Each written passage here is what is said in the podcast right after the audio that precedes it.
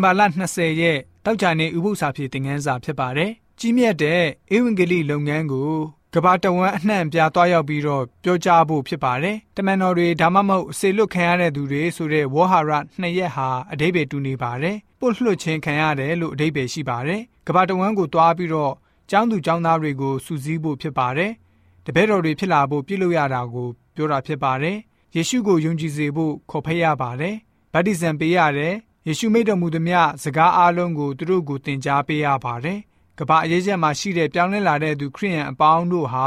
ယဉ်ကျေးမှုနောက်ခံထုံနှန်းတလိဘာသာစကားကွဲပြားခြားနားပြီးတော့မတူညီတော့လည်းပဲယဉ်နှစ်ချင်းခံယူပြီးတော့ရေပေါ်ကိုပြန်ထွက်လာတဲ့အချိန်မှာတော့သူတို့ရဲ့ပညာရေးအတွက်ကျောင်းစတင်တက်ရပါတယ်။ဖျားရှင်နဲ့ပတ်သက်တာတွေကိုလေ့လာစရာများစွာရှိပါတယ်။ခရိယန်တွေရဲ့လေ့လာသင်ယူမှုဟာ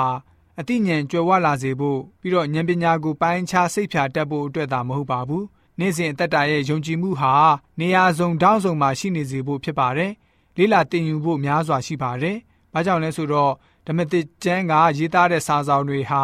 ယေရှုရှင်အကြောင်းကိုကြွေးကြော်ရေးသားလေးရှိပါတယ်။ခရစ်ဂမာဆိုတဲ့ဟေလတဝဟာရကိုအသုံးပြုခေါ်ဆိုထားပါတယ်။ကျမ်းစာဟာခရိယန်တွေသင်ယူစရာပညာအားလုံးကိုရေးသားထားတယ်လို့အဓိပ္ပာယ်ရပါတယ်။တခါတည်းရန် DRK လို့ ဟေလတဘာသာနဲ့ဓမ္မသစ်ကိုခေါ်တတ်ပါတယ်။ဥပမာကောင်းတည့်ရဲ့အဖြစ်ယေရှုရှင်အကြောင်းကြွေးကြော်ဟောပြောတာကိုတေကောခိန်နှစ်ငယ်နှစ်မှာတွေ့ရပါတယ်။ပညာရေးရဲ့အစပြုပုံကိုတေကောခိန်လေးကနေစတင်ရေးဖွဲ့ပြီးတော့ကျန်အကြောင်းအရာတွေကိုလည်းပဲစာဆောင်မှာရေးသားထားပါတယ်။ခရိယန်တွေဘယ်အရာကိုရှာဖွေသင်ယူရမှာလဲ။ အလလုတ်တာအနားယူတာပေါင်းသင်းဆက်ဆံတာပတ်ဝန်းကျင်နဲ့ပတ်သက်ဆက်နွယ်တာအသင်းတော်နဲ့ဝုပြုကုကွယ်မှုတွေစီးပွားရေးလုပ်တာတွေလူသားအရင်းအမြစ်ပြီးတော့အာဏာပိုင်နဲ့ပတ်သက်ဆက်နွယ်တာအကြံပေးတာတွေမိသားစုစနစ်ထားရှိတာတွေအိမ်အောင်ပြုပေါင်းသိနေထိုင်တာတွေနဲ့သားသမီးရရှိလာတဲ့နောက်ပိုင်းစားဝတ်နေရေးစသည်စသည်ဖြင့်တူဦးတယောက်စီရဲ့အသက်တာနဲ့လောကရဲ့အသက်ရှင်စဉ်အကြောင်းအရာကိစ္စအဝဝပါဝင်ပါတယ်